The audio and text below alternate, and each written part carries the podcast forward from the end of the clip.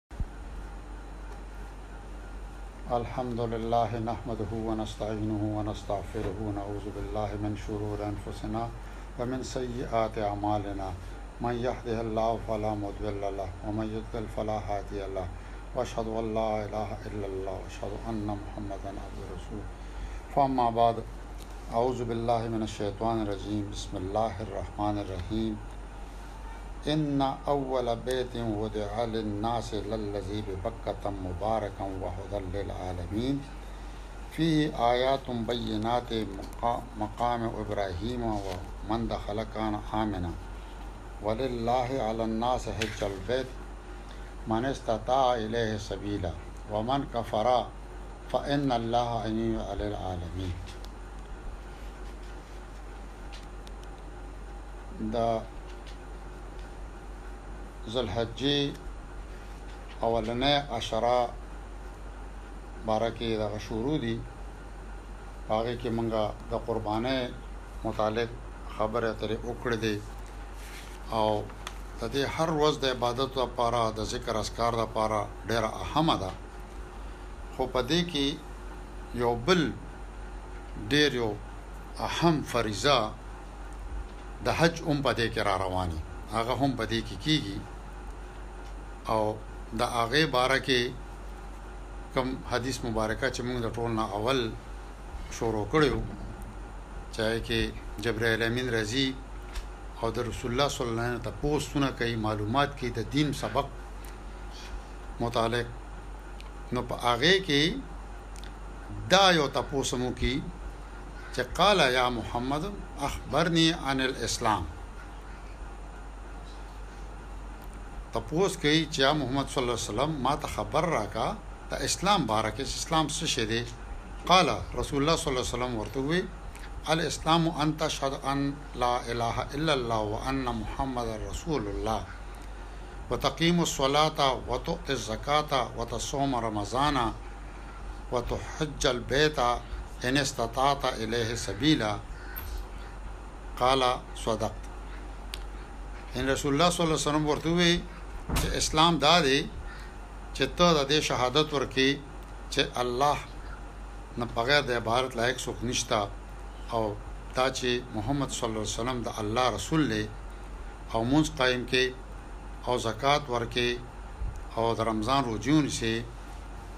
او د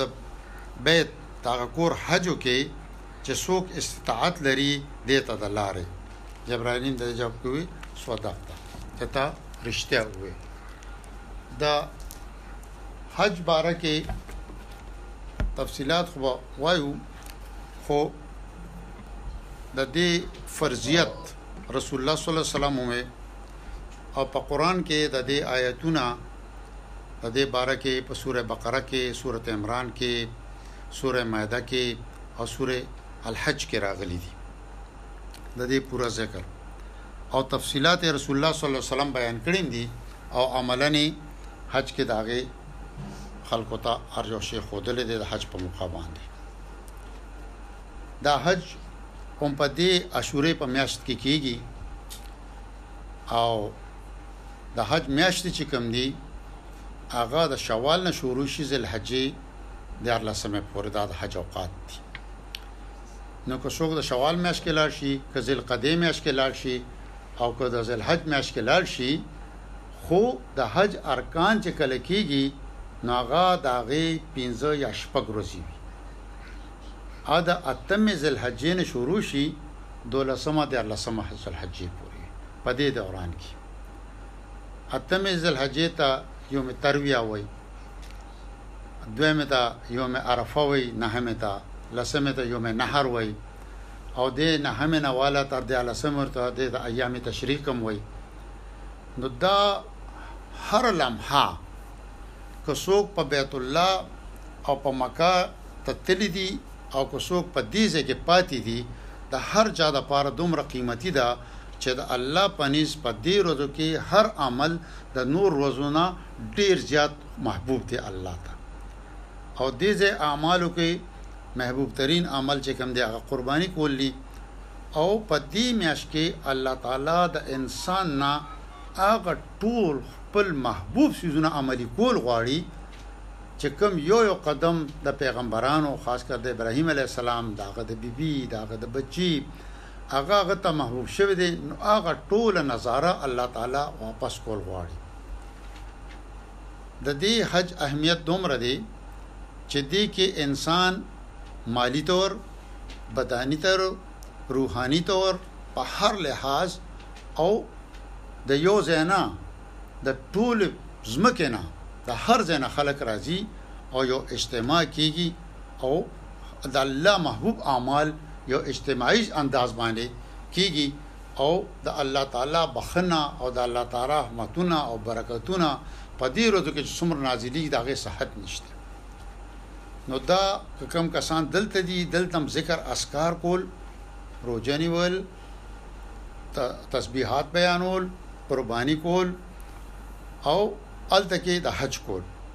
د حج د فرضیت د حکم مونږ ته ملاویږي په سورت عمران کې په دې 97 نمبر آیات کې موږ سره 96 آیاتم تلاوت کو چې ان اول بیتن بلا شبه بشکا یقینا لومبنه کور ودعا چې مقرر شوی دی تیار شوی دی ټاکل شوی دی للناس د خلکو د پاره د انسانان د پاره خلکو د پاره للذي هغه دی ببکتا چې هغه مکه کې دی د دې یو نوم ببکتا مو او مکم دی مبارکن ډیر برکت دی وهدن او د هدایت للعالمین د ټول جهانونو د پاره دا د هدایت نو دې نه خو يو ظاهر شو چې دا ړومبنې کور دې چې د عبادت ته پاره مقرر شوې دې دا ساينسي طور هم ثابت شو چې دا دنيا يو مرکز هم دې د آدم عليه السلام د وخت نه والا تر د اوخه پورې منځ کې پکې بيت المقدس هم مقرر شوې دې خو دا د هدايت سنټر د اوست او د قيامت پورې به د هدايت يو مرکزي د ټول عالمينو د پاره څومره خلک چې کم ځکه اوسيږي او په دې کې فيه آيات په دې کې نښې دي هغه نښې دي بينات چې ډېر واضح دي مقام ابراهيم لکه مقام ابراهيم هغه ځای چې ابراهيم عليه السلام په ولاړه کړې و هغه نن سبا مقام ابراهيم یو ګټ په شکل کې خلک دا کوي چوکانې دي او هغه چې دا به دا کو دیوالونه به وال نو دې کاڼي باندې وته ولاړو او دې کاڼي به ورته هغه هر څه برابرېدل دی او پې د ابراهیم علیه السلام د خپو نښې هم پې شته دی او هغه اوس هم شته نو هغه په کاڼي کې د خپې نښه جوړېدل هم یو ښکاره نښه ده چې کاڼی خو ډېر مضبوط کلک شی دی په هغې کې نهه نښې جوړېدل او کاڼي کې دا خاصیت پیدا کېدل چې هغه په ټول دغه کې د یو قوازې غونته کې کردار ادا کړي نو دا یو ښکاره نښه ده او بله نښه څه ده د دې مکې په خصوصیاتو کې یعنی ډیرې نښې دي خو دا یو دوه دې ځای کې ذکر شوي دي ومن دخله کان آمنا چې څوک دې ته داخل شي نو هغه به په امن کې شي دا د امن یو خار دی د هغه وخت نه مو هر زمانه کې دا د امن خار ښکار شوی دی سو اټیکونه په شوی دي بهشکه خو دا غزه خلک په امن کې پاتې شوی دي هغه ته څه نقصان نه رسیدلی تر دې حد پورې دا د امن خار دی چې یوازې انسان نه د دې حیوان هم محترم شوی دی هغه هم څوک نشي دا کولی هغه کې ښکار هم بند شوی دی هغه کې مطلب هر زیرو شی ماسیوه د ضروري شی نه د هغې وجل هم منې شوی دی تر د دې پورې چې د هغې د بوټو اونو نه پاڼې شکول هم سن ګناه ده هغه هم محترم شوی دی نو هر یو شی هلته په امن کې دی بوټي هم په امن کې دي ځناور هم په امن کې دي انسانان هم په امن کې دي او د ټولې دنیا د پاره د امن یو ګواره ده د امن سبق ته کیږي او دا یو تعارف او شو دا غزه اوس الله تعالی بیا د خپل خوخ عبادت د فرضي عبادت یو حکم دی چې اوس کوي ولله او الله د پاره دی علی الناس په خلکو باندې ان دا په خلکو باندې دی د الله د پاره سشي حج البيت د دغه کور حج کول، د دغه کور حج کول، دې ته تلل، دې کې هغه مناسک ادا کول، په چا باندې، من استطاعا، چې څوک استطاعت لري، طاقت لري، وس لري، الیه سبیلا، دې طرف ته د لارې، د تلو، چې څوک استطاعت لري، دا لفظ استطاعت او الیه سبیلا دا یو ډېر لوی معنی لري. خو موږ د دې هغه تشریحاتو کې دومره نه ځو خو مختصر دا دی چې وس د انسان کېږي نو دې کې که یو سړی مالی وس نه کېږي دی خو بس پاتې شو دی خو هغه سفر نشي کول دی هغه ځای کې ورځې نشي تیرې په خوا خدا د میاشتو سفرونو بیا د هفتو شو اوس اوس مختصر دی خو بیا هم الته کافي خرچه کیږي خو یو سړی یوازې خرچه باندې نه دی چې دی ذهني تور جسماني طور او مالي لحاظ سره استطاعت لري که د جسم کې کمزوري دی جسماني طور هغه نشي کولی یا ذهني طور دی کمزور دی یا ایمان نه دی راوړی نو په دغه کسانو نه دی چې چا ایمان راوړی دا د هغوی دپاره چې چا که استطاعت وي دې ته تلو یعنی مالي جسماني هره طریقه سره ها که جسماني طور نه وي او مالي طور یو سړی دی نو دی او بیا حج بدل کړي هغه متعلق احادیث هم به خبره غي سره کو ومن کفر او چې څوک انکار کوي نه مني دا خبره یعنی چې سره د استطاعت حج لنزي فإن الله نو بشک الله چې دی غنیون عن العالمین دا ټول عالمینو نه غنی دی بے پروا دی داغه ضرورت نشته هغه دې ته څه محتاجه نه دی حاجت ستا دی چې ته لاړ شې او الله به درله ډېر څه درکړي حاجت ستا دی د الله څخه حاجت نشته دی نو ان شاء الله نن خو یو تعارفي دغه وشو د حج متعلق مونږه د قران او د حدیثو او داغه د روزه روزه د یوې یوې ورځې چې کوم احکامات څنګه ترتیب سره هغه به ان شاء الله پس د دینه بیانو صدق الله العظیم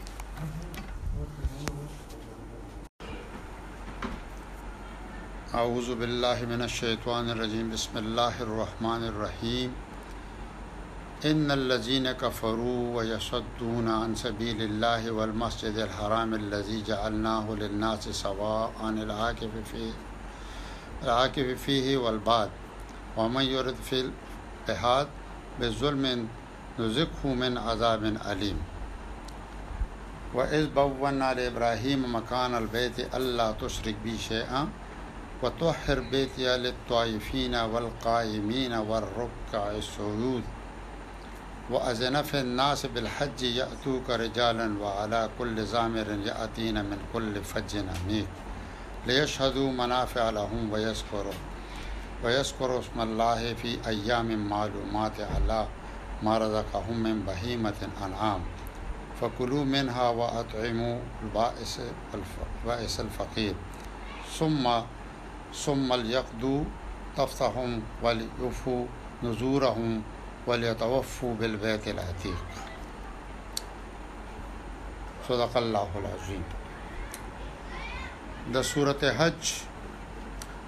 آیات نمبر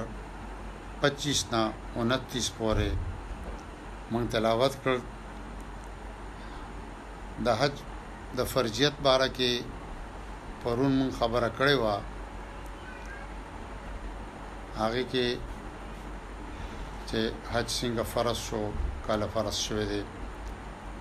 نن د هغه باره کې یو تعارفي خبرې کیږي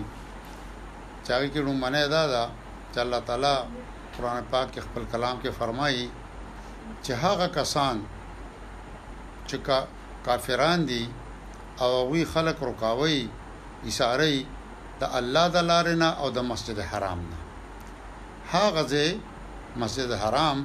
چې هغه مونږ جوړ کړی الله تعالی فرمایي د خلکو لپاره چې برابر دی د هغه ځای اوسیدونکو او بعد نه راتلونکي خلکو لپاره یعنی د مسجد حرام الله تعالی د هر خلکو لپاره مسلمانانو پر جوړ کړی کده بار راځي که مقامی دي د کې چاته د غنښت دوی ته رکاولو اجازه نشته مطلب دا چې څوک په څوک رکاوي نه او که څوک د کې سو گمراهي یا ظلم سره دغه کوي نو تعالی تعالی وی چې مونږ وته یو د درناک عذاب مزه وخایو دوی ته د دې نه پس دا پکې یو بنیادي خبره شوه چې د مسجد الحرام دا د ټولو مسلمانانو لپاره ده، که د بهر نه راځي که دننه لپاره راځي، دې کې د چا څه فضیلت یا کمی نشته، مسافر مقامي لپاره د الله په نزد د دې حیثیت یو دی. د دې د جوړولو باره کې الله تعالی هم دې آیتونو کې فرمایي، واذ بوّنا لابراهین مکان البیت کله چې مونږ مقرر کړل، وښودل، مونږ ورته پوینټ آوټ کړ زینم ورته مقرر کړ ابراهیم علی السلام لا هغه زی هغه کور هغه زینا نو چې کله ان ابراهیم علی السلام ته دا نشاندهی او شوا چې دې ځای کې و بیت الله جوړیږي دا د بیت الله زید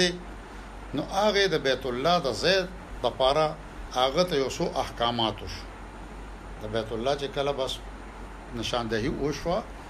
نو هغه ته یو څو احکامات لومبني ملو شو د بیت الله او د دې ځای مناسبت سره او یو عام نو هغه کې لومبه دا چې الله تشرک بي شیئا الله تعالی ته لومبه دا حکم ورکړ چې هیڅ څوک به شریک نه هیڅ شی به ما سره نه شریک یعنی په عام حالاتو کې او د بیت الله په دغه کې خو بالکل هیڅ څوک مشرک ما سره نه وي هیڅ شي شراکت بني زما په بادشاہ کې زما په هغه وحده لا شریک ده دوی مې حکم ورګه وتطهر بیتیا او زما کور پاک پاک به ساتي دا پاکه دا یو ډېر اهم حکم دی دا هر ځای کې چې زموږ مساجد دي دغه دي داغه پاکولو ډېر لوی اهمیت دی او پاکول دې ته هم وایي چې د بتانو د شرک نه به هم پاک ساتې او د هغې هغه علاقه به ذات خود عملي طور هم پاک ساتې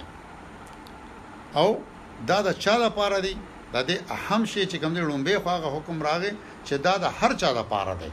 که د لری دی که نږدې دی اوس وایي چې دا د چا لپاره بیت الله او د دې پاکول للطائفین د طواف کوونکو لپاره یعنی د ټول نه اهم عبادت چه دی د بیت الله چه د دنیا کې په بل یو ځای کې نه کیږي هغه صرف طواف دی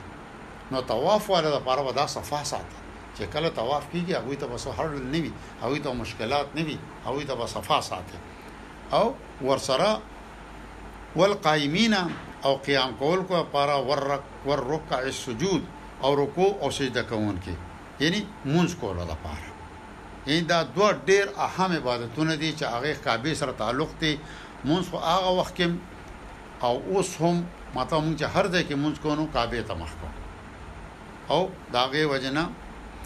اوس یو بل حکم ابراهیم علی السلام ته الله تعالی په دې قران کې کوي واذن فی الناس بالحج او اعلان وکړه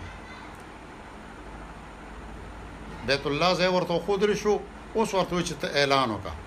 ها د حج خلکو ته اعلان وکا عام خلکو ته بس اعلان وکا ته اعلان وکا چې حج لراځه یا تو کا راضی بتا دې زتا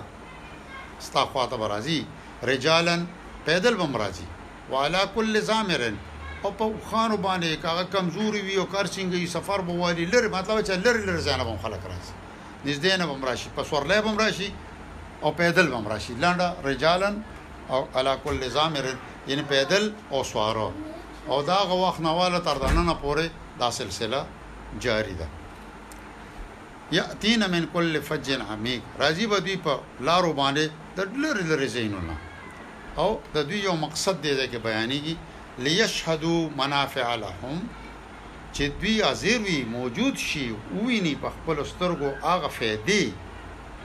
هغه فیدې په خپلو سترګو وویني، یعنې یو خو به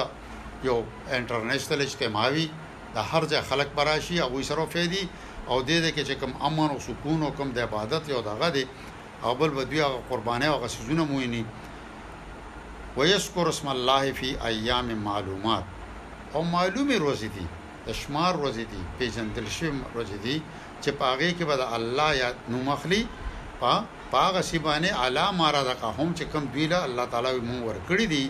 من بهیمة الانعام، د هغه څاروو نه، ځناورو نه، چوپایو نه، هغې باندې، د هغې باندې به صرف زما نوم اخلي، یعنې قرباني به کوي، دې ځای کې د قربانۍ حکم هغه وخت نه شروع دی او د قربانۍ باره کې دې ځای کې یو دغه راځي چې هغه مونږ. د دې ځای کې چې کوم خلک قرباني کوي هغوی د پاره هم دی فکلو پس خورئ منها د دې نه مطلب چې په خپله خورئ ها واطعمو او خورئ په باعث الفقير په بدحاله او په فقیرانو ډېر کمزوري فقیرانو ډېر عملی مطلب چې څنګه فقیران دي که په زور غواړي که دا غواړي بیا دې ځای کې د حج یو حکم راغلی چې دا بیا وروسته حج تر دغه سره ترتیب سره یوځای کوو خو دې ځای سره یوځای دی نو چې دا د قربانۍ نه پس دا حکم دی چې رالی او نور مناسک مو کو قرباني مو کړه او د قربانۍ نه پس یو حکم دی ثم ليقدو بس اوس چې قرباني تاسو وشوه نو هغه اهم کارونه تاسو وکړل اوس بس کوي لری کې ته ځان نه یقدو لری کې تفسهم خپل خيري چې احرام حالت کې ډېر ورځې لامبلې ني وبني یا ځان وختي ني اغشته نکونه ني اغشته نو خامخا خيري جمع کیږي نو اوس د الله تعالی حکم دا دی چې بس تاسو هغه زما دغه پورا کو هنه اوس ځان پاک کې اوس ځان پاک کې خسته جامې واچې ځان برابر کې هر څوک ها ول یوفو او پوره کې نذورهم خپل نذرونه اکثر ډیر خلکو خپل نذرونه منلي وي چې راکه دا الله تعالی حج توفیق راکه دا به کوم دا به کوم او په خپل په احرام حالت کې په خپلم سپابندې مونږ په ځان باندې اخی وي نو بس هغه پابندې ختم شي او پوره کې او سویسو کې وليطوفوا بالبيت العتيق اوس راشه زما هغه زوړ کور ته هغه زوړ کور ته راشه او دا غي طواف وکي دا غ طواف زیارت طواف فضا چې ستوي دا د هغه یو دغه دا زمون د حج باره کې پروګرام مون شروع کړی دی نو ان شاء الله چې دا مونږه باقی د نننې پس یو ترتیب سره کو او په دې کې با مونږه د قران نه چه کوم آیاتونه دی د حج باره کی احکامات دی هغه د رسول الله صلی الله علیه وسلم حدیث مبارکه هغه به بیانو چه بالکل مونږ ته پخپل د قران او حدیث نه هر یو حکم ښکاره شي او د رسول الله صلی الله علیه وسلم حج مبارک په بیانو تفصیل سره چه هغه حج څنګه کړی دی پخپل تقریبا ټول احکامات د هغه په حج کی ژوندی شوی دی چه د قیامت پورې څومره مسائل او سرازی هغه ټول په هغه د هغه په حج کې راغلي دي او د هغه نه علاوه د سفر باره کې هم یو پروګرام کو او د انتظاماتو باره کې هم هم یو پروګرام دی کې نشر کو او نن به د سره موږ یو اضافه یو مختصر شان دغه کو چیرې دا دا حج کوم دی کله شو یو بس یو دوه درو فقرو کې لومبنه رسول الله صلی الله علیه وسلم اراده او فرمایله د شپږمه هجرۍ کې د هجرت نه شپږ کاله پورې مسلمانان بیت الله ته نه دي راغلي د مدینې نه سره د رسول الله صلی الله علیه وسلم نو ډیر اوږي تګي رسول الله صلی الله علیه وسلم اراده وکړه چې مونږ زو عمره کو دا شپږمه هجری و ذوالقعده د مارچ و او هغه چې دوی رالل پاغه لار کې مشکلات پیدا شو او قریش رالل او دوی منې کړل داغه په نتیجه کې او شو صلح حدیبیه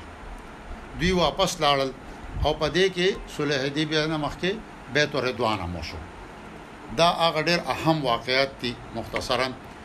بیا په اومه هجره کې رسول الله صلی الله علیه وسلم هغه عمره قضا چې کوم دا په اومه هجره کې وکړه په اتمه هجره کې فتح مکه وشو مکه فتح شو د رمضان میاشت شو چې کله فتح مکه شو فتح مکه وشو نو بس د هغې نه پس مطلب چې د مسلمانانو ته اختیارات رالل او په نهم په هغه ړومبي کال خو هماغه شانتې حج وشو چونکې رمضان او بیا پسې یو دوه جنګونه مو سمدستي نو هغه هماغه زوړ ترتیب سره حج وشو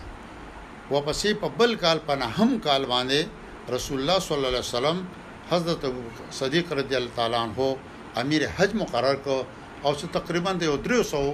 کسانو حجاجو یو قافله یې ورکړه چې ته لاړ شو ته امیر حج او ته لاړ شو دې دوران کې سورت توبه نازل شو حضرت علی رضی الله تعالی عنہ ورپسې ورولېګو د سورت توبه آیاتونه هغه ته ورکو چې دا به التا خلکو ته وره نو ابو بکر رضی الله تعالی عنہ د امیر حجو او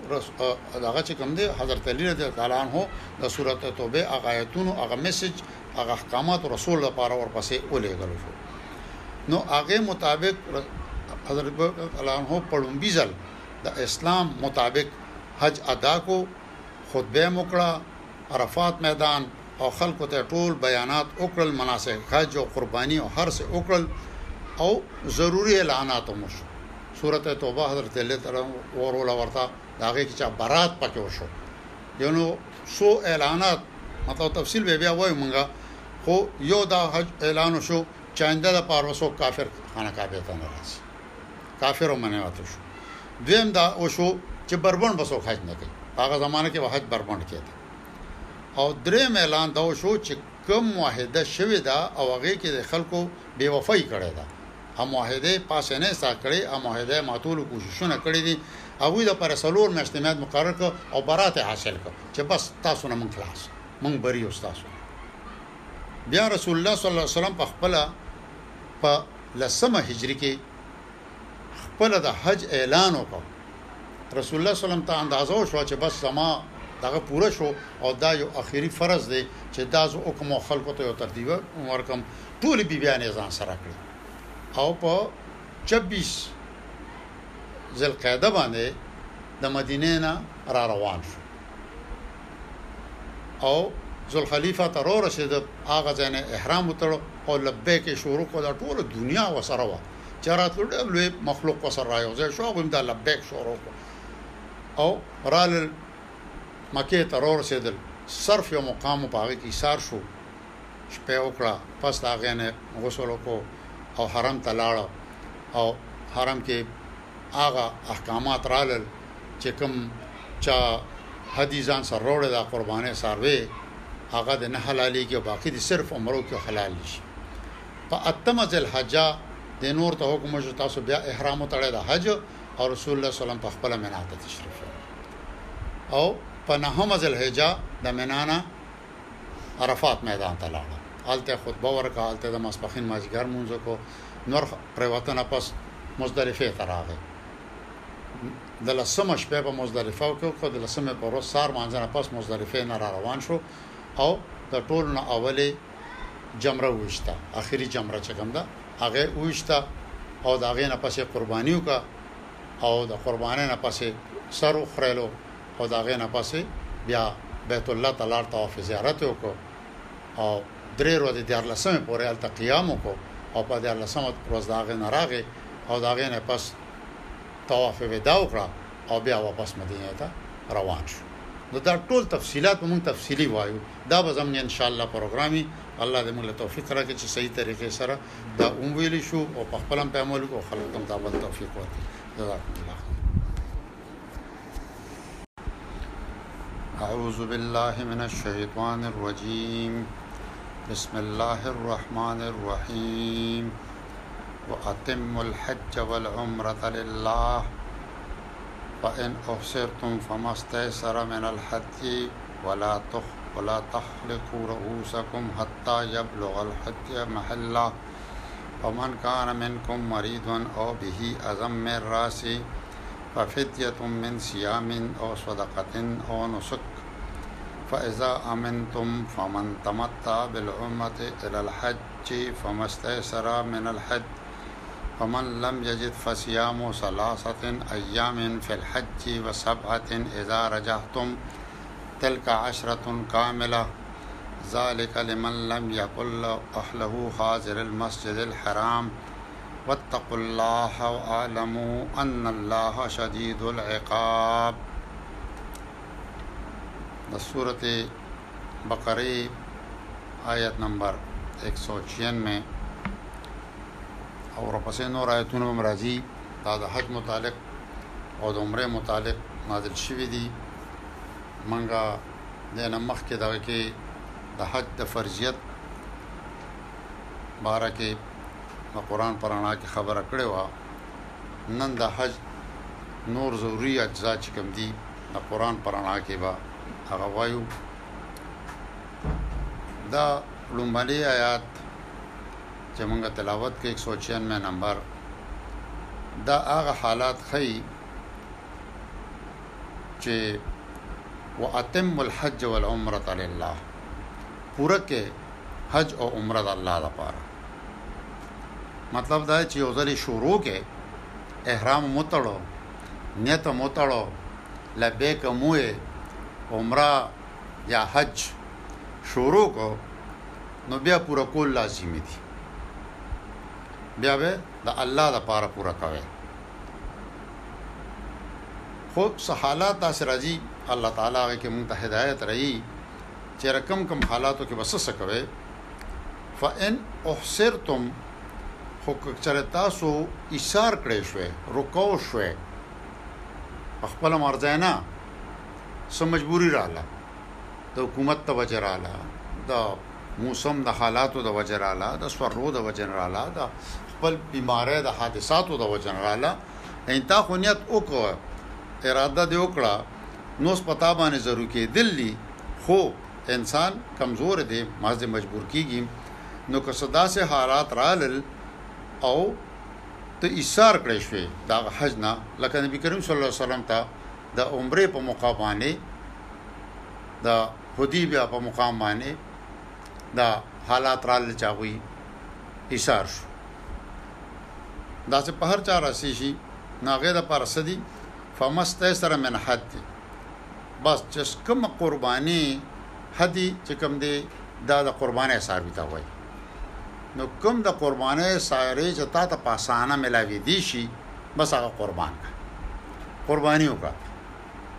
خو وسره سره به مثلا کو قرباني دی وکړه هغه موقع پاس شو خدا حج عمره چې تا شروع کړې دا پتا پاتې شو دا به بیا کۀ په شپږمه هجره کې نبی کریم صلی الله علیه وسلم روان شو ایثار شو په اومه هجره کې بیا دغه قضیه راوړه دغه شان د حج بم قضیه راوړي خو دغه یو طریقه الله تعالی دا کړه چې تب قرباني ورکې او یو شی بل چې دا به هر حج عمره کې مونږ ته راځي ولا تحلقوا رؤسکم او خپل سرونه مخرایه یعنی په حالت احرام کې سر خریل منی دي نورم ډېر ممنوعات یا موږ ور سره سره بیا وایو خو سر خریل باندې کې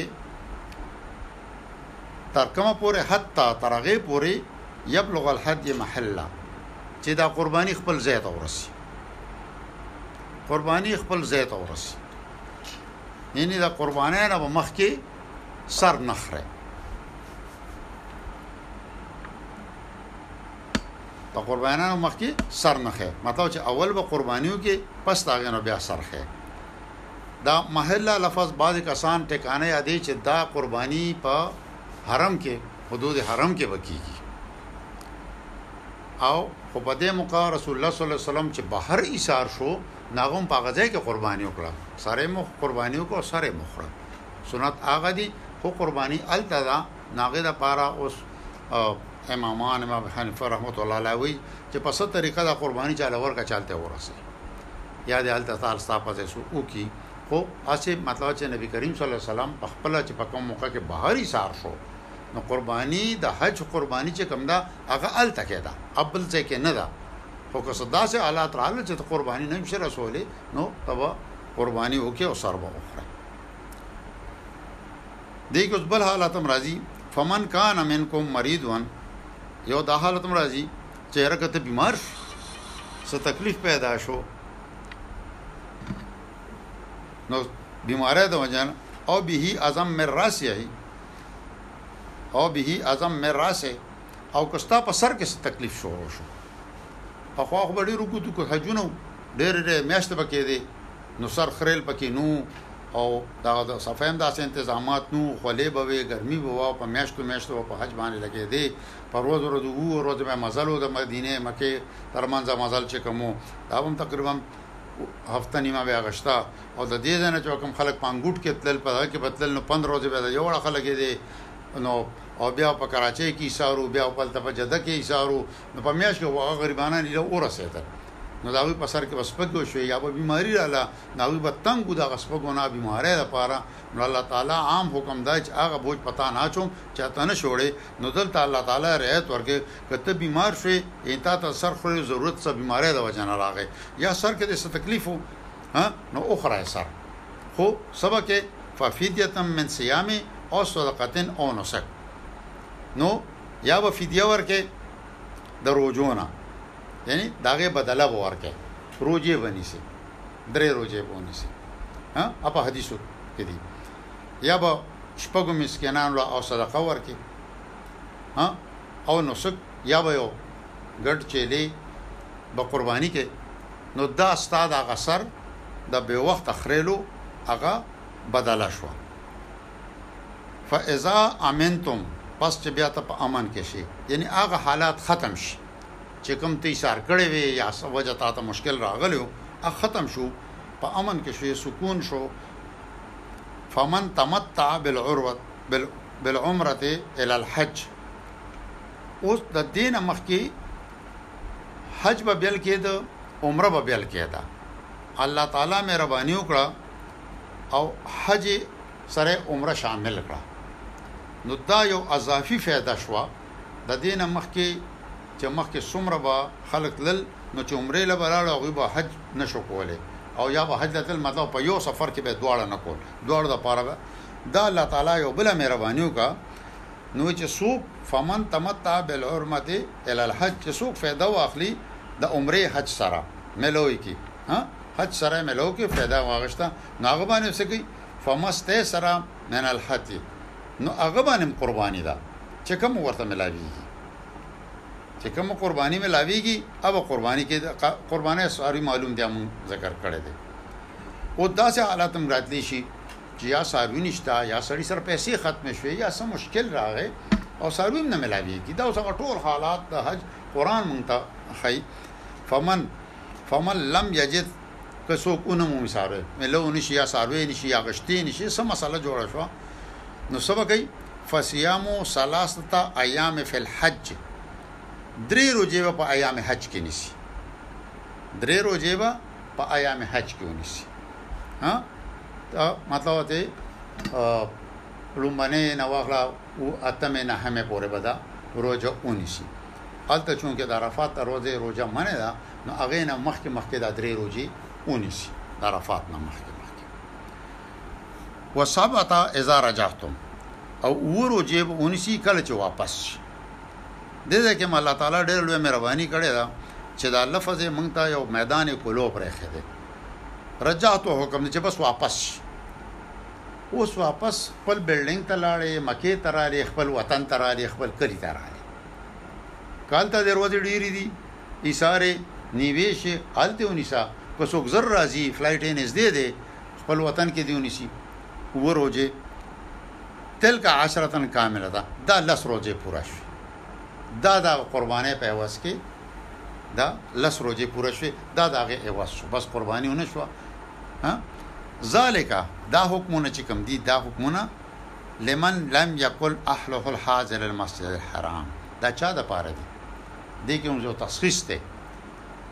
دا حکمونه هغه چا دپاره دي چې څوک نو سیږي نږدې مسجد حرام سره چې دا غوي کورونه نه وي هغه د مسجد حرام خوا کې اوسیدونکو نه دي د بهر نه خلک راغلي یا سو علما دا کې چې د میقات دنه کوم سیږي هغه د پاره دا حکم نه دی هغوی حج تمتع نه شي کولی یا حج قران نه شي کولی دا دوه نومونه بیا وروسته دغه شوي تمتع اصل کې دواړه تمتع دي که قران دی او که تمتع دی هغه اصل کې دواړه تمتع دي ولې چې هغه کې فایده د عمره اخلي حج سره صرف فرق دا دی چې دا نن سبا ته مونږ تمتع وایي دا د تشریح لپاره چې تمتع کې عمره به بیلو کې د حج ورځ کې بیا احرام د حج وتاړي او قران کې په یو احرام کې دواړه کې په یو ځل باندې نیت وتاړي نو دا قرباني چې ده او دا تمتع او دا قران یعنی د عمره او حج په یو سفر کې کول چې دي دا د مقامي خلکو لپاره نه دي دا د بار خلکو لپاره دي مقامي خلک هر وخت عمره کولی شي هغوی ته سهولت شته په دې موقع کې الله تعالی هغوی ته دغه کړی دی واتقوا الله او ویریږئ د الله نه یعنی په دې احکاماتو کې څه اخوا دې خوا مه کوئ هر وخت د الله یره پکار ده واعلمو او ښه ځان پوه کړئ په دې باندې ان الله شدید العقاب چې الله تعالی ډیر سخت نیونکی دی عذاب باندې هغه عذاب ډیر سخت دی نو نافرمانه نه ځان بچ کول پکار دي الحج اشهر معلومات فمن فرض فيهن الحج فلا رفث ولا فسوق ولا جدال في الحج وما تفعلوا من خیر یعلمه الله وتزودوا فإن خیر الزاد التقوی واتقون یا اولی الالباب 197 نمبر آیت دې پسې دی او دام د حج باره کې دی چې کله احرام وتړي نو سيزونه پابندې ولګي او هغه پابندو کې یو څو پابندې دې ځکه ذکر شوی دی یو خدا و چې د حج میاشتې چې کوم دي د حج میاشتې معلومې دي د حج سیزن معلوم دی فمن فرضا فیهن الحج چې چا اراده وکړه د حج فرض یې که په ځان باندې حج په دې میاشتو کې اراده وکړه په ښه چې بس حج لازمه او نیت یې وکړو نیت یې اوس د حج وکړو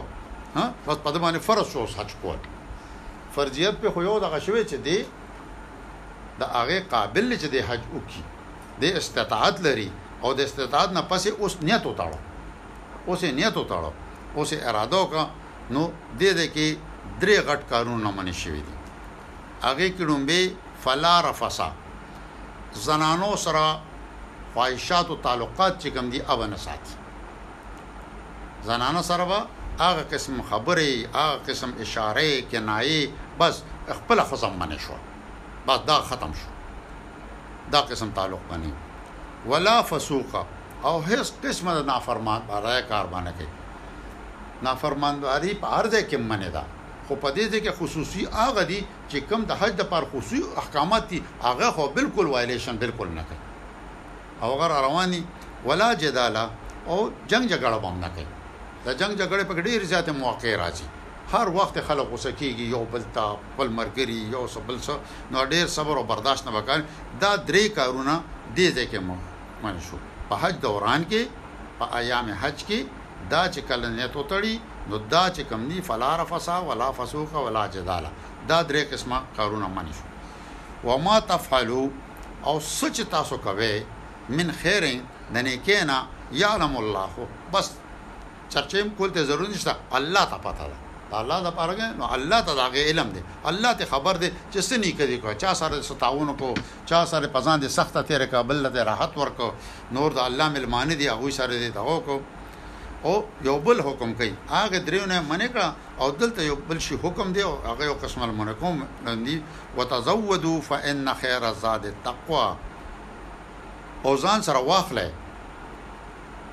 بهتر د لارې شی او د ټول نه بهتر چې کوم دی هغه څه ده د لارې لپاره تقوا ده پرهیزګاري ده د الله نه یره ده پرهیزګاري ده نیکی کول دي بدی نه منې کول دي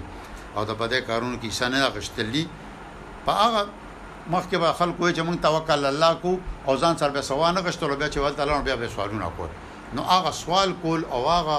الله منګه چې توکل الله په خپل ځای خو ته به انتظامات کې انتظام پوره کا ځان سره خرج خوراک ځان سره سيزونه والا او تقوا چې کوم دا د ټول نه بهتر د دې لارې د پاره د تقوا ډیر زیات ضرورت دی د سامان سفر د ضرورت د سيزونو ضرورت دی خو د ټول نه زیات د تقوا ضرورت دی وتقون یا اول الباب او او یریږي زمانہ بیا وای هر حکم نه پس الله وای چې او یریږي زمانہ اے خاوندان د عقل که تاسو کې د عقل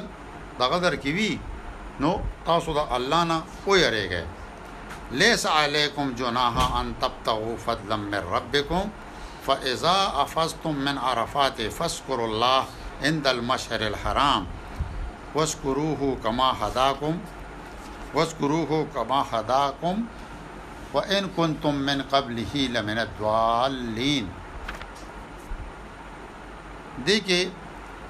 اوس یو بل دغه کوي چې عام طور د خلکو دا خیال و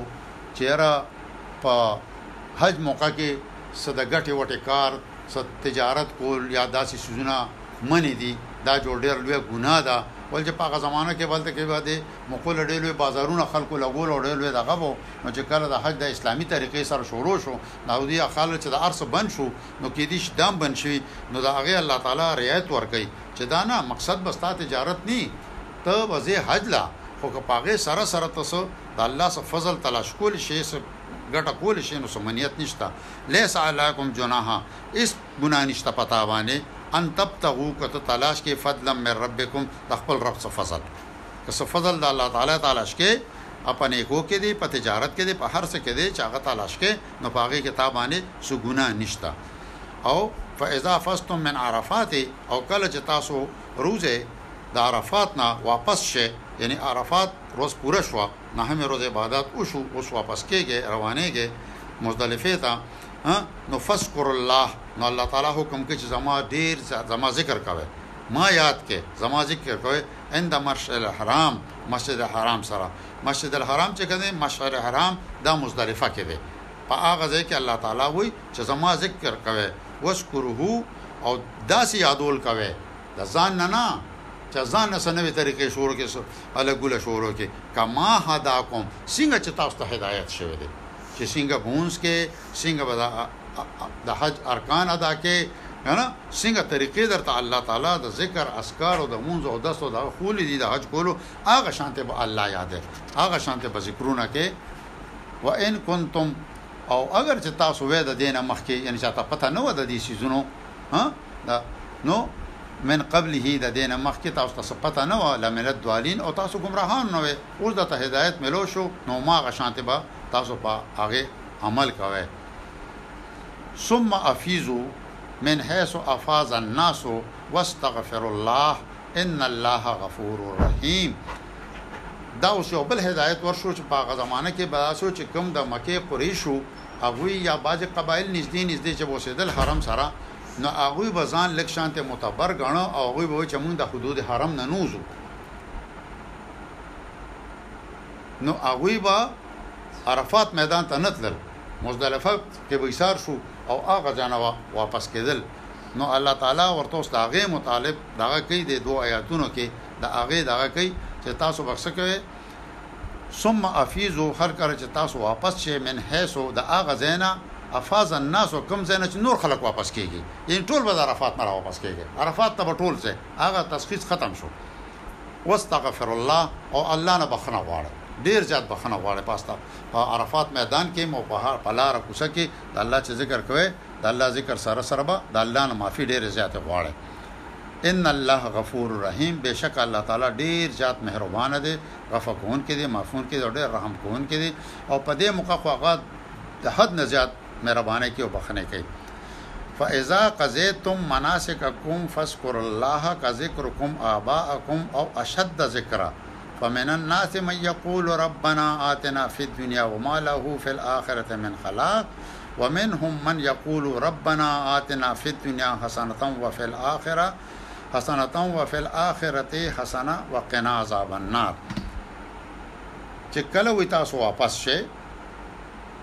دا دغه مناسک هم ادا کړل د حج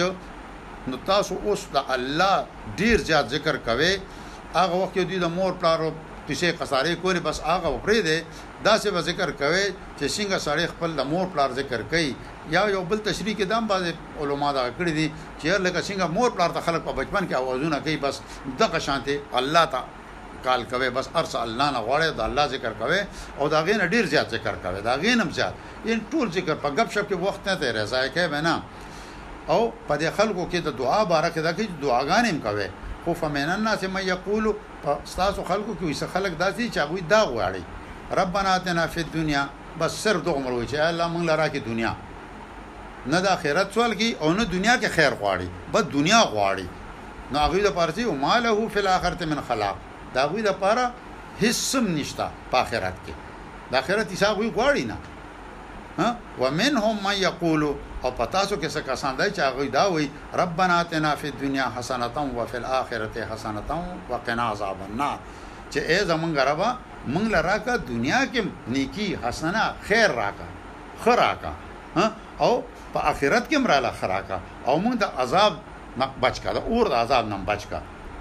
نو اولایک لهم نصیب مما کسبو نو دا دوی صدا چې دا سدوی وګټل دا ګټه دوی او ایسه د دوی دا والله سریع الحساب او الله تعالی ډیر زر حساب اغشتون کې دی واذکر الله او یاد کې الله را فی ایام معدودات یو څو ورځې دي د شمار ورځې دي دغه دغه فمن تعجل پس که چا تادی وکړه، فی یومین په دوه ورځو کې، فلا اثم علیه هیڅ ګناه نشته په دوی باندې، ومن تأخر او که چا تاخیر وکړو څوک د هغه دویمې ورځې نه دریمې ته ایسار شو، فلا اثم علیه نو په هغوی باندې څه ګناه نشته، لمن اتقی چې څوک یریږي د الله نه، واتقوا الله او ویریږئ د الله نه، واعلموا او خبر شئ په دې باندې، انکم چې هم تاسو الیه تحشرون هغه ته واپس راتلونکې هغه ته به رجوع کېږی دې اخري کې یو بل اخري حکم هم راغې هغه دا خو مونږ یو دغه وېلو په ابل ابل روزانه درس کې چې مطلب تاسو کله اولامبه قرباني وکې او اولامبه ځان پاک کې نو بیا بیت الله طواف ته لاړ شي هغه طواف زیارت هم وي طواف افاظه هم ورته وي او څه بعضې خلک ورته دا په کتابونو کې د پنجاب په دغه کې طواف نسام لیکلی دی ولې چې د هغه طواف نه بغیر خپله ښځه هم جایز کېدی نه شي. دې کې اوس دا یو تصریح بل راغی چې څونه ورځې به ایسارېږی؟ په اتمه ورځ د حج منا ته تلل دي، په نهمه ورځ عرفات ته تلل دي، د نهمې ورځې نه پس بیا شپه په مزدلفه کې کول دي، سهار لمونځ هم مزدلفه کې کول دي، د مزدلفې نه بیا راتلل دي واپس منا ته، هلته لومبی یو جمره ایستل دي، بیا د هغې نه پس قرباني کول دي، د هغې نه پس سر خرېل دي او بیا طواف زیارت کول دي، دا د هغې ترتیب دی، د لس ورځو وشو، عشره پوره شوه، عام مطلب فرایض پوره شو، صرف دوه ورځې یا درې ورځې دغه ځای کې دغه دی چې جمرات په پیولې، نو لسمه ورځ باندې خو شوه، دا څوک په دوو ورځو کې په تادۍ کې راځي هغه مراد دی یولسمه او دولسمه، چې یولسمه دې موشته او دولسمه دې موشته. نو ته راځه واپس بس ستا حج پوره شو او که نه ایساریږې نو نبي کریم صلی الله علیه وسلم په خپله دیارلسمې ته ایسار شوی دی شپه یې وکړه او بیا یې جمرات بیا وویشتل نو دا هغه که څوک وي ورته ایسار شو که نه نو هغوی باندې هم څه ګناه نشته او په دوی باندې هم ګناه نشته دواړه جایز دي الله تعالی دې موږ له په دې باندې د پوهې او د عمل کولو توفیق راکړي او موږ ټول دې خدای پاک بار بار حج بیت الله ته بوتلی کړي صدق الله العظیم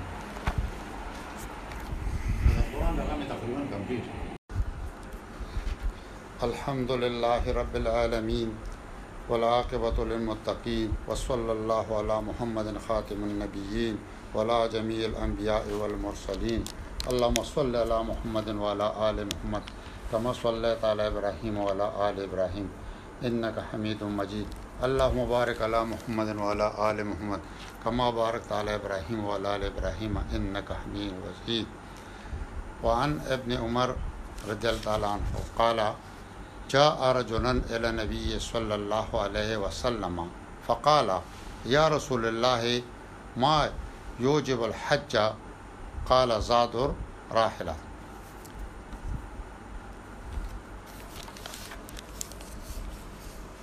ابن عمر رضی الله تعالی عنہ روایت کوي چې وسړی رسول الله صلی الله علیه وسلم تراغه او تپوسو کوم تپوسو کچ یا رسول الله سلام حج څه شی واجب کوي نو رسول الله صلی الله علیه وسلم ورته او فرمایل چې سورلي او زادره دا چې کوم دي چې زادره او سورلي یعنی تلو انتظام د سره او دا غروز تاسو سره خرچه وي دا فرض کړئ څنګه چې په سورته عمران کې 97 نمبر آیات کې ولله علی الناس حج البيت من استطاع الیه سبیلا چچا استطاعت وی نو هغوی باندې حج فرض دی چې هغوی به حج کوي د حج سلسله کې حدیث شروع دي د دې تفصیلی دغه خو بیا وروسته کیږي خو څنګه د حج موقع ډېر نږدې ده نو په دې نسبت سره مونږه هغه سلسله شروع کړې ده او دا دوره زمونږ د قران په حواله سره چې آیاتونه ویل یو آیات دوا پاتې شوي دي هغه هم دې سره بیا شامل شي د سورته مائده او اوس موږ د احادیث پر اړه کې د حج متعلق تفصیلی خبره کوو عن ابن عباس رضی الله تعالی عنہ قال قال رسول الله صلی الله علیه وسلم یا ایها الناس ان الله كتب عليكم الحج فقام اقرأ بن جابس بن حابس فقال، افي کل عام يارسول الله؟ قال، لو قلت ها نعم لوجبت ولو وجبت لم تعملو بها ولم تستطيعو والحج مرة فمن زاد فتوطم. ابن عباس رضی الله تعالی عنہ روایت کوي چې رسول الله صلی الله علیه وسلم او فرمایل چې اې خلکو! الله تعالی په تاسو باندې حج فرض کړ. نو اقرا بن حابس رضی الله تعالی عنہ رضی الله تعالی عنہ ودرېد او غو چې اې د الله رسوله هر کال فرض دی رسول الله صلی الله علیه وسلم ورته فرمایل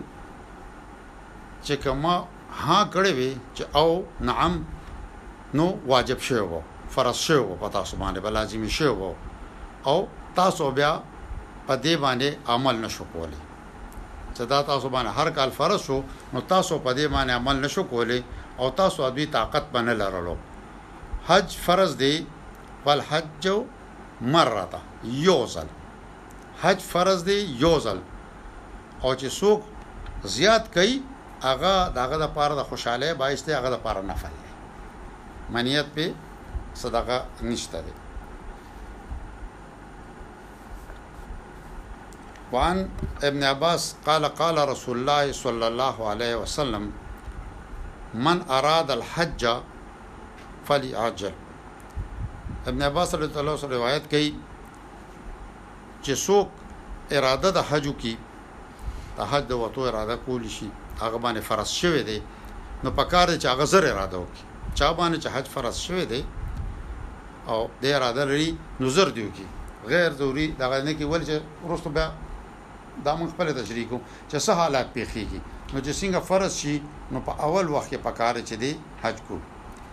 او عن ابن مسعود رضی الله تعالی عنه قال قال رسول الله صلی الله علیه وسلم تابعوا بین الحج والعمرة فانهما ينفعان فقر والذنوب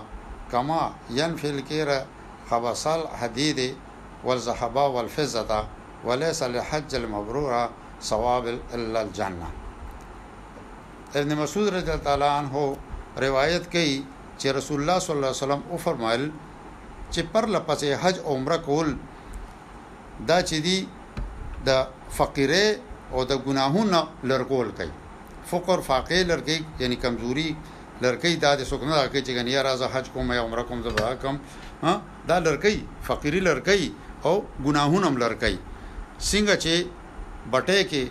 اوسپنا یا سونه چاندي واچول شي او بټه کې داغینه خيري لرشي دغه شان حج چې کوم عمره ده پرله پسې چې کې دا ستانه هغه سيزونه لره کې او د حج مقبول ثواب چې کوم دی بل سنه دی مګر جنت ته دا خو د حج هغه ضرورت چې کني حج ضرور کولی چې چا باندې فرض کو او زر تر زره کولی چې څونه زر تر زره وکړي اوس چې داسې حالات چې څوک نشي کولی هغه د پاره یا سم مشکلاتي هغه د پاره د کې ذکر راغله دی دا عن ابي رزين العقيل ان اتى النبي صلى الله عليه وسلم فقال يا رسول الله اني ابي شيخ كبير لا يستطيع الحج والعمره ولا ځوانه قال حج عن ابيك واعتمر دا روایت کړی دی ترمذی ابو داوود نسالی ټول دا روایت کړی دی چې ابي رزين عقيلي روایت کوي چې نبی صلی الله علیه وسلم ته رالم او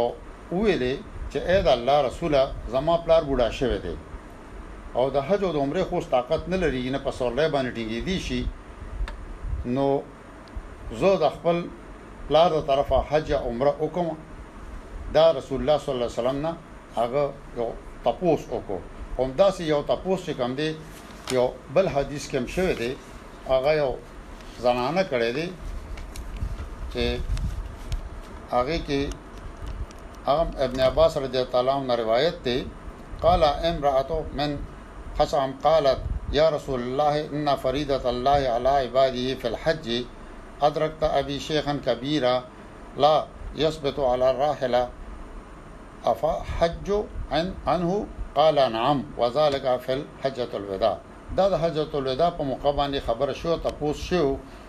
د ابن عباس رضی الله عنه روایت کوي د قبیله خشرم یو زنانه وه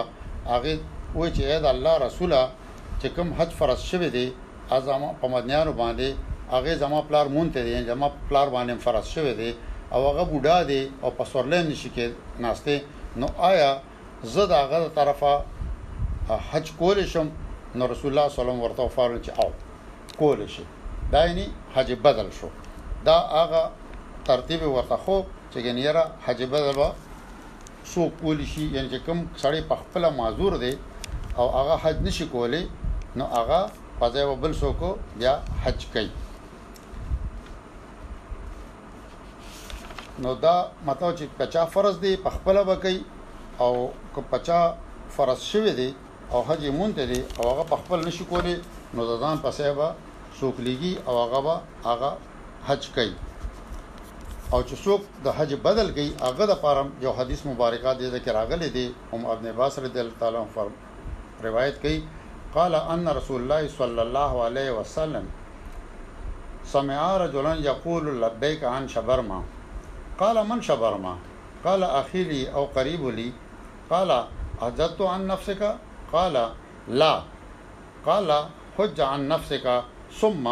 حج عن شبرما یو کس وي دا لبیک به وي او هغه سره به دا وي چې د شبر ما طرف نه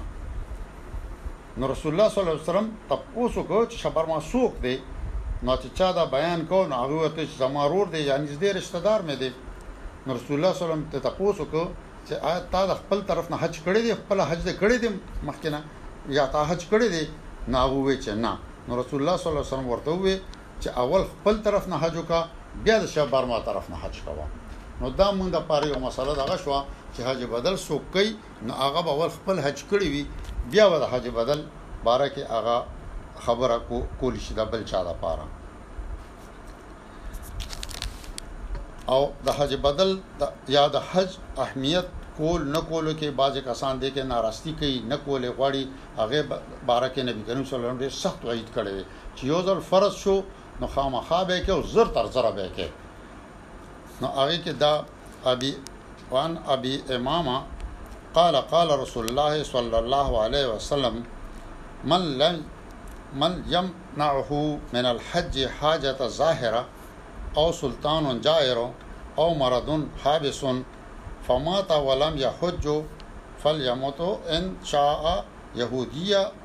انشاء نصرانیه دا د دارمی روایت ته او ابي امام کړه دی چې رسول الله صلی الله علیه وسلم او فرمایل چې کم سړی حج نه ظاهری ضرورت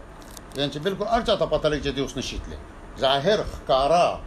دا ځخکارا حاجت ضرورت نو چې دی حج نه پاتې شوی او یا ظالم بادشاه چې هغه نه پرېښوده یا هلته نه پرېښود یا د دې ځای نه پرېښود او یا داسې بیماري چې هغې د وجه نه دې حج له نشو تللی نو که دا درې دغه نی یعنی بالکل او دا سیزونه درې وړه ښکارې بیماری مخکاره ده د بادشاه غ حکم مخکاره دی او دا سه نور ضرورت یو سړی نشیتله وسې نه کیږي نو چې اغنه علاوه مطلب چې څوک حج کولی شي مراد دا شو او هغه حج او نه کی مړ شو او حج یې نه دی کړی نو رسول الله صلی الله علیه وسلم فرمایي چې هغه که يهودي مړ شو که عیسائی مړ شو نو دا دومره دغه خبره ده چې مطلب یې چې هغه لپاره زما یعنی یو قسم به د امت نه بهر کوي چې یا يهودي ملک شو که عیسائی ملک شو زما په سم نه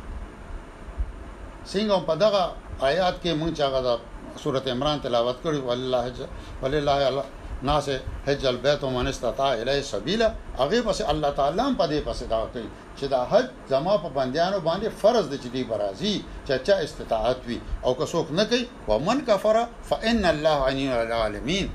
نو الله تعالی هم ورته ډېر دغه کوي چې بس زه غني یم ما ته ستا ضرورت نشته چې چا انکار وکړو چا کفر وکړو چا ونه کړو ما ته دې څیزونو هیڅ ضرورت نشته او د حجانو حیثیت یا د حجانو سره د هغوی اهمیت الله تعالی په خپل خو رسول الله صلی الله علیه وسلم مونږ ته خو لري دې کې د الله د ملمنو چې دا د الله ملمانه دي وان ابي هريره رضی الله عنه عن النبي صلى الله عليه وسلم انه قال الحاج والعمار وفد الله ان دعوه اجابهم وان استغفره غفر لهم ابو هريره رضی الله تعالی عنہ روایت کوي چې نبی کریم صلی الله علیه وسلم او فرمایل چه حج او عمره کولو واله چه دي دا د الله ميلمانه دي حج او عمره کولو واله دا د الله ميلمانه دي يو بل حديث کي مجاهدين هم د الله په ميلمانو کي شمارل کيږي او چه دوی دعا کوي حجان چه دوی دعا کوي نو الله قبلي دا ډېر اهمه خبره ده او چه دوی بخنه غواړي نو الله بخنه ورکوي دا ابن ماجه روایت کړی دی وعنه قال یعنی ماغه ابو هريره روایت کوي سمعت رسول الله صلی الله علیه وسلم یقول وفد الله ثلاثه الغازی والحاج والمعتمر رسول الله صلی الله علیه وسلم نو ما اوریدلی دي چې د الله ملمانه درې دي درې قسم خلک دي غازیان جهاد کوونکي او حج کوونکي عمره کوونکي دا درې واړه د الله ملمانه دي په دې کې ابن عمر رضی الله هم یو دغه کړی دی د حجانو د عزت لپاره او د خپل ضرورت لپاره چې کوم حجان نه دي هغه هم د دینه फायदा غشتي شي وان ابن عمر قال قال رسول الله صلى الله عليه وسلم اذا لقيت الحاجه فل مسلمه ومصافحه ومرها ان یستغفر لک قبل ان یدخل بیته فانه مغفور له ابن عمر رضی الله فرمایي چې رسول الله صلی الله علیه وسلم او فرمایل چې څو وخت یو اجي سر تاسو ملو شوي ملاقات مو شي ها اذا لقيتو چې ملاقات وشي نو هغه ته سلام وکړي ها سلام په واچوي او مصافحه سره وکي او هغه ته حکم ورکي چې هغه ستاسو د پاره د بخشش دعا وکي د دین مخ کې چې هغه خپل کور ته داخل شي ولی چې دې بخل شوی دی دا حجی بخل شوی دی د کور داخلي دونه مخ کې یعنی ورتلل پکار چی حاجی لره څوک ورشی او ورته سلام وکی مصافحه دی وکی هغه سره سامان راواخلی هغه سره دغه وکی او ورته دا درخواست وکی حکم دی ورته وکی درخواست دی وکی چی یاره ما د پاره د بخنی دعا وکړه نو هغه بخښلی شوی دی د هغه دعا قبلیږی صدق الله العظیم.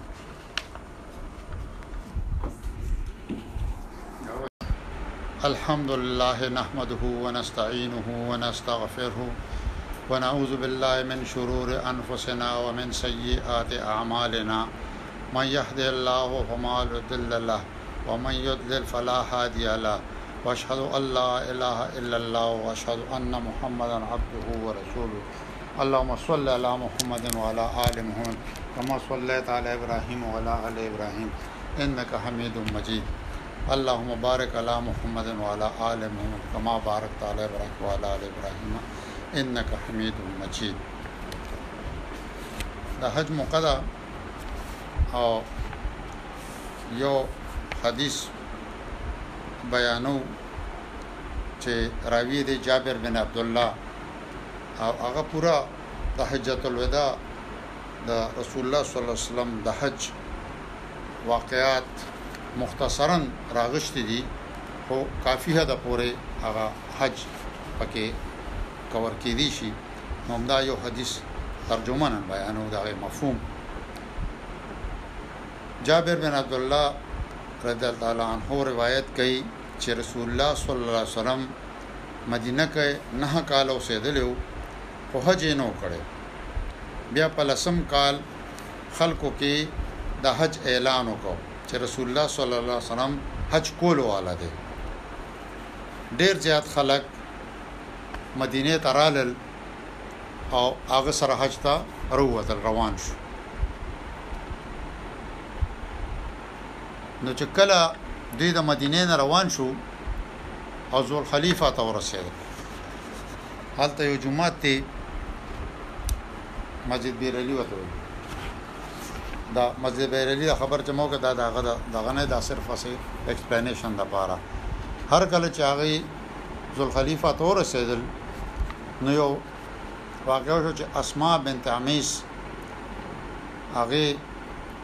ماشوم پیدا شو، محمد بن ابي بکر د هغه نوم و، نوم یې ورله کېښود، نو هغې رسول الله صلی الله علیه وسلم ته پیغام ور لېږه چې زه څوک یم؟ نو رسول الله صلی الله علیه وسلم ته وفرمایل چې ته غسل وکړه او لنګوټ واچوه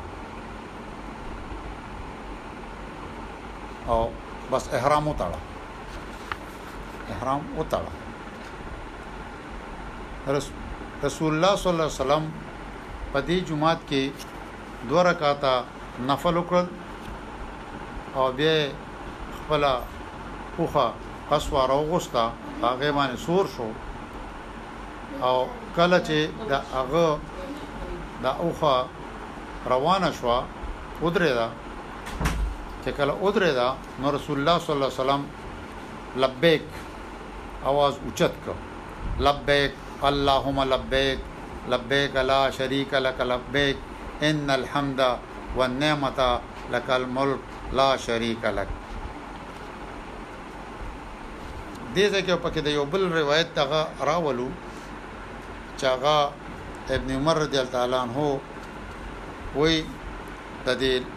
تلبیه باره کې چې د دې نه علاوه هم یوه تلبیه رسول الله صلی الله علیه وسلم ویلې وه هغه ابن عمر روایت کړې ده چې ابن عمر رضی الله وایي چې رسول الله صلی الله علیه وسلم ذل خلیفه ته ورسېدو نو په دې کلماتو سره لبیک اوه اللهم لبیک لبیک و صادق والخير في يديك لبیک والرعباء الیک والعمل دا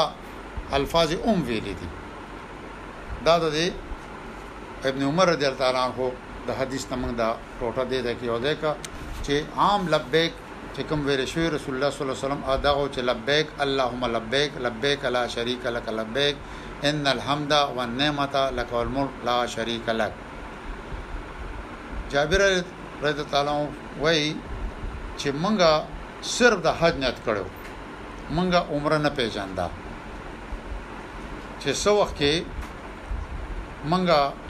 بیت الله ته رالو او رسول الله صلی الله علیه وسلم حجر اسود خپل کو نو درې ځله تیز تیز طواف یې وکړو طواف چکر درې چکر درې ځله تیز تیز لاړو او بیا سلور ځله د معمول مطابق طواف یې کو بیا چې کله مقام ابراهیم طرف ته مخکې شو نو د دې آیات تلاوت وکړو واتخذوا من مقام ابراهیم مصلا دا سوره بقره کې 125 نمبر باندې چې مقام ابراهیم د مونږه ونیسه نو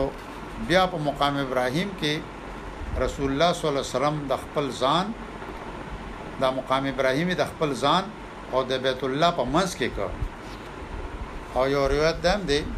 چې رسول الله صلی الله علیه وسلم دوه رکعاته مونږ کو نو لومبه پکې قل هو الله احد او دویم کې قل یا ایو الکافرون وی او بل یو روایت کې قل یا ایو الکافرون اول له قل هو الله احد پوسټه دی نو بیا رکن طرف ته بیا واپس شو رکن مطلب دی چې حجر اسود او هغه بیا خپل کو او د دروازې طرف ته صفا مروه ته روان شو چې کله صفا ته ورسېدو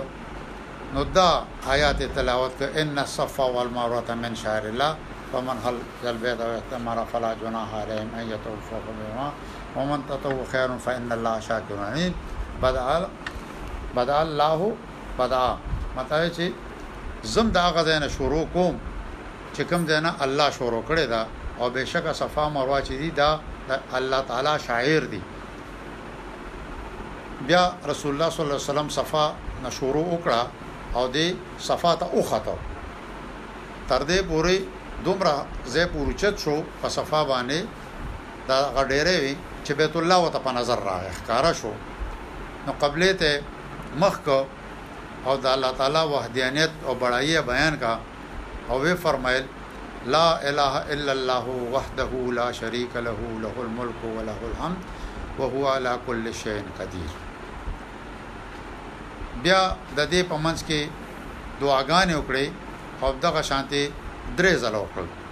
بیا د صفا نه راکوز شو او مروه طرف ته روان شو. کله چې د هغه قدمونه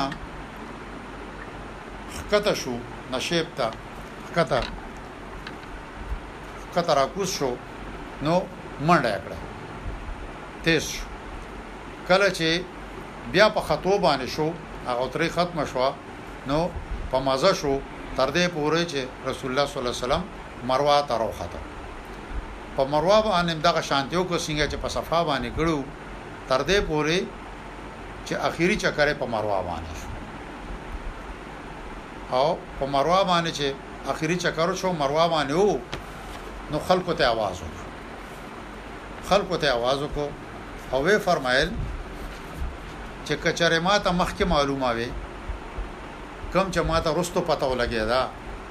نو ما به ځان سره هدی یعنی د قربانۍ څاروی نه وروړی او ما به هم د خپل حج عمره کې بدل کړی و یعنی اول به می عمره کړی و ځان له تاسو کې چې کم کس سره د قربانۍ څاروی نوی یعنی هدی نوی روسته هغه حلال شه حلال مطلب دا چې د احرام نه وځي سر خره بس احرام کوس کې او دا حج کم دغه چې کم تیرې دین عمره جوړه کې دا تاسو عمره وشو عمره دی وخت پور پورا شو سراقه بن مالک بن جحشم قدرت د رضل تعالی عنہ او وی وی چې دا حکم د دې کال لپاره دی یا همیشه لپاره دی نبی صلی الله علیه وسلم لاسونه ګوتې یو بل کې ورکړې او وی فرمایل چې عمره په حج کې داخل شو داس داس ګوتې یو بل کې ورکړې او دوه ځله دغه شانتي او فرمایل او بیا وی چې نه بلکې دا حکم همیشه د پاره همیشه همیشه د پاره دی حضرت علی رضی الله تعالی عنہ رسول الله صلی الله علیه وسلم د پاره د یمن نه اوخان راوستل ا یمن ته تلو قربانه له اوخان راوستل جو حضرت علی نو د یمن نه اوخان راوستل نو رسول الله صلی الله علیه وسلم ورته فرمایل چې سو وخت تا حج لازم کو پزان باندې نه نیت ته وکړو نو هغه وخت تاسو ویلو یعنی نیت څنګه تړلو نو هغه وې حضرت علی تعالی عنه وویل چې ما ویلي وو چې اې الله زه هماغه احرام تړم کوم چې ستا رسول الله صلی الله علیه وسلم تړلی دی نو رسول الله صلی الله علیه وسلم ورته فرمایل چې ته ما سره په قربانۍ کې په هدي کې شریکې نو به ته محلالېږه ته به د احرام نه نوځې ستا احرام به جاري او هغه ټولو خان چې کوم حضرت علی رضی تعالی عنه د یمن نه روستی وو او کوم رسول الله صلی الله علیه وسلم خپل ځان سره روستی وو دا ټول سل اوخان سل اوخان یې روستی قربانه ده پاره راوی وی چې ټول خلک حلال شو او هغه خپل ویخته کټ کړل او نبی کریم صلی الله علیه وسلم او هغه خلک چې چا سره حد یو هغه حلال نشو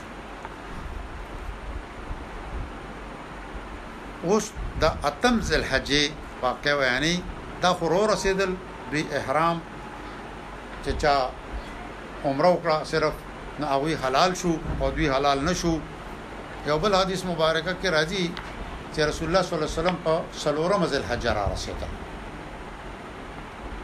نو تر اتم ذلحجې پورې په خپل مقام باندې سارو اوس هم دا حدیث بیا شروع کو دې کې چې په اتمه ذل حجه چې هغه ته د ترویه روز وي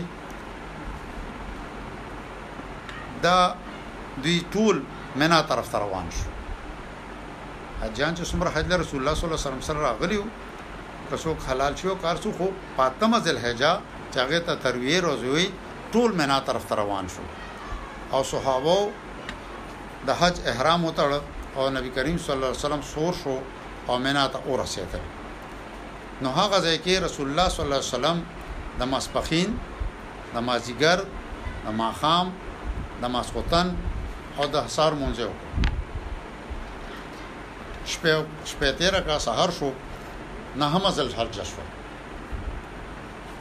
چې دته یوم عرفه وای عرفات نو څه وخت ایسار شو تر دې پورې چې نور راښکاره شو نو رسول الله صلی الله علیه وسلم د خیمې لګول لپاره حکم ورکړ چا د ویختو نه جوړه شوی خیمه وه چې هغه د هغه لپاره ولګول شي رسول الله صلی الله علیه وسلم روان شو او قریشو په دې کې شک نه وو، د هغوی دا یقین وو چې رسول الله صلی الله علیه وسلم به په مشعر حرام کې ایسارېږي، یعنې مزدلفه علاقه کې به ایسارېږي، څنګه چې د قریشو د جاهلیت په وخت کې د اسلام نه مخکې د هغوی رواج وو، څنګه چې به هغوی کول. نبی صلی الله علیه وسلم تېر شو، روان و، تېر شو، په مزدلفه باندې، مشعر حرام باندې تېر شو. تر دې پورې چې د عرفات میدان ته ورسېد، اول ته هغه وکتل چې هغه لپاره په وادي نمرة کې خیمه لګېدلې وه.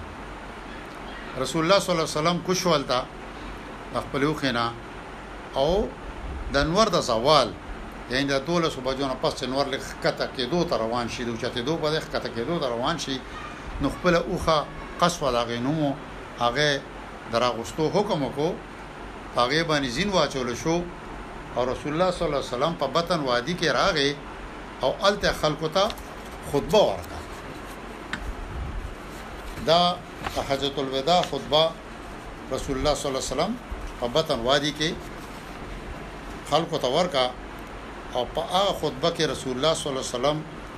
وفرمایل چې ستاسو وینې او ستاسو مال په تاسو باندې حرام دی څنګه چې د دې ورځې حرمت ته او د دې میاشتې حرمت ته او ستاسو د خار پشانته خبردار د جاهلیت هر یو کار زما د قمنو لاندې کې خو دې شو او د جاهلیت خون چې وینه کموا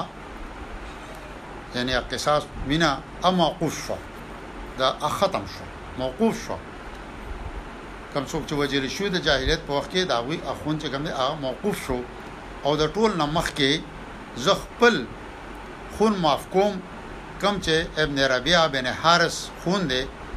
دا د رسول الله سلام استدارو او هغه د خپل خون چې کوم دی ټول ناول دا وبخله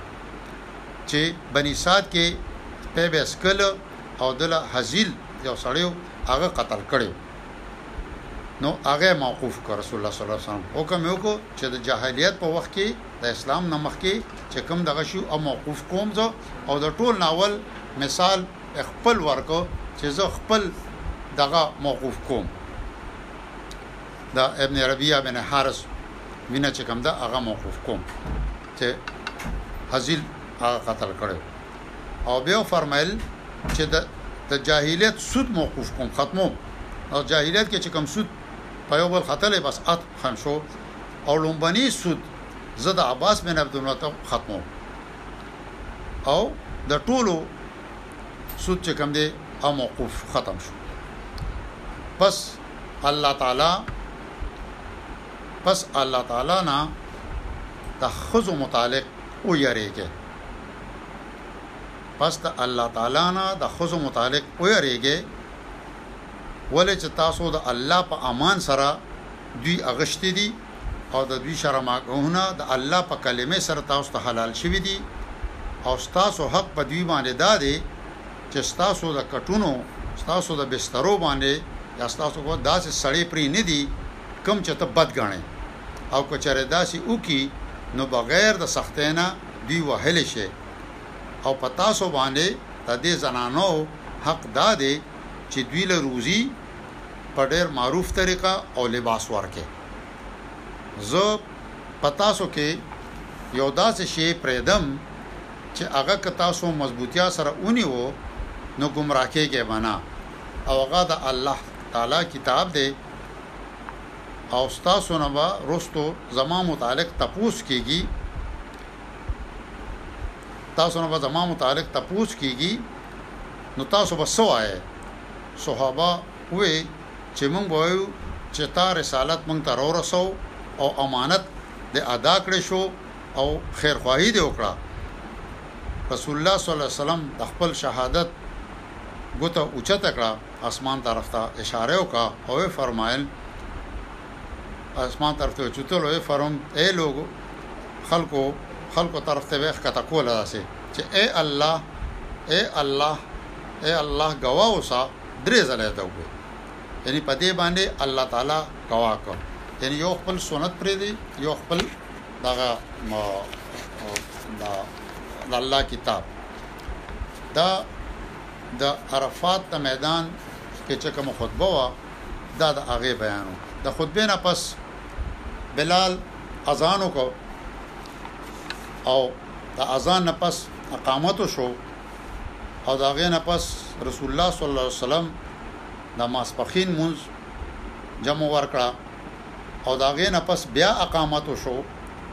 او رسول الله صلی الله علیه وسلم د مازیګر جمع ورکړه او د دې په منځ کې هیڅ قسمه نفل یا بل څه نه دي کړي بیا رسول الله صلی الله علیه وسلم سور شو او میدان عرفات ته راغی او خپل قصوه اوخه چې کوم وا د هغې خېټه د کاڼو طرف ته کړه، جبل مشات د هغه ځای نوم دی، هغه جبل مشات یې خپل مخ ته کړ او قبلې طرف ته یې مخ کړ او د دغه مانځو دواړو لمونځونو نه پس د نور پرېواته پورې رسول الله صلی الله علیه وسلم دغه ځای کې ولاړ و تر هغې پورې چې زردي د نور ختمه شوه زیړوالی او د نور دا ټیکه چې کوم ده دا پوره غروب شوه پرېوته نو پس د هغې نه رسول الله صلی الله علیه وسلم اسامه خپل ځان پسې شاته راسور شو او واپس شو تر دې پورې چې مزدلفه راغله او هغه ځای کې رسول الله صلی الله علیه وسلم د ماښام او د ماسخوتن لمونځ وکړو په یو آذان او دوو تکبیرو سره د دې په درمیان کې هیڅ څه په منځ کې څه نفل مفل نه دي کړي بیا پس د دې منځونو نه رسول الله صلی الله علیه وسلم سملاسته آرام وکړو تر دې پورې چې سحر شو چې څنګه فجر راښکاره شو بالکل په لومبي وخت کې دا اوس لسمه ذل حجه شو دا نه همدا نو رسول الله صلی الله علیه وسلم د فجر منځ جمع ورکړه چې کله ظاهر شو فجر او اذان او اقامت سره یعنی یو اذان یو اقامت اول اذان شو اقامت شو بیا جمع ورکړه بیا وما رسول الله صلی الله علیه وسلم قصوا او خبانه سور شو تر دې پورې چې مشعر حرام ته راغی قبلې طرف ته مخکې او د الله نه دعاګانې وغوښتې د الله تعالی بړۍ یې بیان کا د الله تعالی وحدانیت یې بیان کا اول ته تر هغې پورې سار شو چې رڼا خوره شوه خو د انور خاتونه لږ مخکې پورې هغه ځای پورې هغه ایسار شو بیا د هغې نه فضل بن عباس یې ځان پسې شاته سور کړو او رسول الله صلی الله علیه وسلم بطن محصر دا یو وادي ده هغې باندې راغی او اوښ یې لږه تېزه کړه دې ځای کې او بیا په منځمۍ لار روان و تر هغې پورې چې جمره کبرا ته ورسېد دا جمره چې هغه وخت کې دې خوا کې یو اونه وه هغه جمره ته جمره ته ورسېد هلته کې و کاڼي وشته دا جمره او هر کاڼي سره به الله اکبر وي تکبیر به وي او بیا رسول الله صلی الله علیه وسلم د هغې نه پس واپس راغی د قربانۍ ځای ته تاو شو هلته کې رسول الله صلی الله علیه وسلم درې شپېته اوښان په خپل لاس مبارک سره ذبح کړل او بیا حضرت علی له باقی ورکړل نو باقی اوښان حضرت علی رضی الله عنه ذبح کړل او حضرت علی رضی الله عنه هغه ځان سره په قربانۍ کې شریک کړ او بیا د ورته وفرمایل چې د هر اوښ د غوښې نه یو ټوکړه ټوکړه راواخله ددې حکم یې ورکړ او کټوی کې یې واچوه پخه یې کړه او په خپله یې وخوړه او ښوروا یې د هغې وڅکله بیا رسول الله صلی الله علیه وسلم سور شو او خانه کعبې طرف ته روان شو خانه کعبې ته ورسېدو هلته یې طواف وکړو دا طواف زیارت یا طواف افاضه ورته وایي مکه کې د ماسپښین لمونځ وکړو او بیا بني عبدالمطلب طرف ته راغی او چې هغه هغه وخت کې هغوی د زمزم د چشمې ذموار هغوی زمزم وبا باغوی خلکو با دس کله نو رسول نبی صلی الله علیه وسلم ورته وې چې عبدالمطلب بني عبدالمطلب راکاږي وبرو بچا په کوینه به رستی او کده دی یاره ماته نه وي چې خلکو په خلکو په تاسو غلبو کی نو ما هم تاسو سره دا ډولچه رېست وه، د اوبو مام رېست وه، نو هغوی هغه ډول ونيو او اوبه يې راووېستې او رسول الله صلی الله علیه وسلم د هغې نه اوبه وڅښلې. دا دې ځای پورې دا د جابر رضی الله تعالی عنه روايت کړی دی، د دې نه پس بيا نور رواياتو کې مختصراً بايد هغه کړو چې هغې کې رسول الله صلی الله علیه وسلم بيا منا ته راغی، او بیا په یوولسمه ورځ پس د ماسپښین نه د زوال نه پسې بیا جمرات وویشتل درې واڼه په دولسمه ورځ یې بیا جمرات وویشتل درې واڼه په دیارلسمې ورځ ته هم ایسار شو په دیارلسمه ورځ یې بیا جمرات وویشتل او بیا هغه ځای نه روان شو مینا نه بیا روان شو بیا دی چې کوم دی یو اوچت زیو داغه غالبا چې مصحب وادي و هغه هغه مصحب هغه زینو هغه ته لاړو اول ته ولا صحابه خیمه مې مزه ولا جوړ کړو هلته آرام وکړو او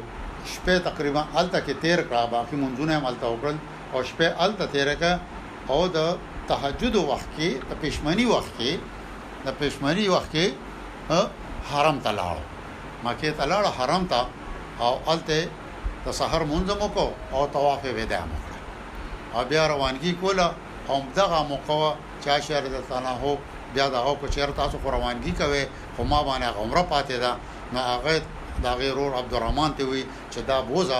مسجد تنعیم ته او هغه ځای نه حضرت عایشه رضی الله تعالی عنها هغه دغه وکړو او د طواف وداع نه پس را روان شو یوه بیبي بی هغه د رسول الله صلی الله علیه وسلم پکې بیمار هم و نو چې چا دغه کو اعلان هم دغه کو چې سو پاک بیا غوې د طواف ودا او کی او کنه سو نشي کولې د ماخواره یا د سوجنا نو هغه د پاره بیا معافي شته جزاکم الله د دې نه پس په ان شاء الله مزید حج تفصیلی بیان کو او خدای او مختصر دغه او د دې بم ذکر کو د کې ډېر زیات پوینټ سره د حج متعلق ابر تفصیلی و سر نور حدیث په یو ځای کو ان شاء الله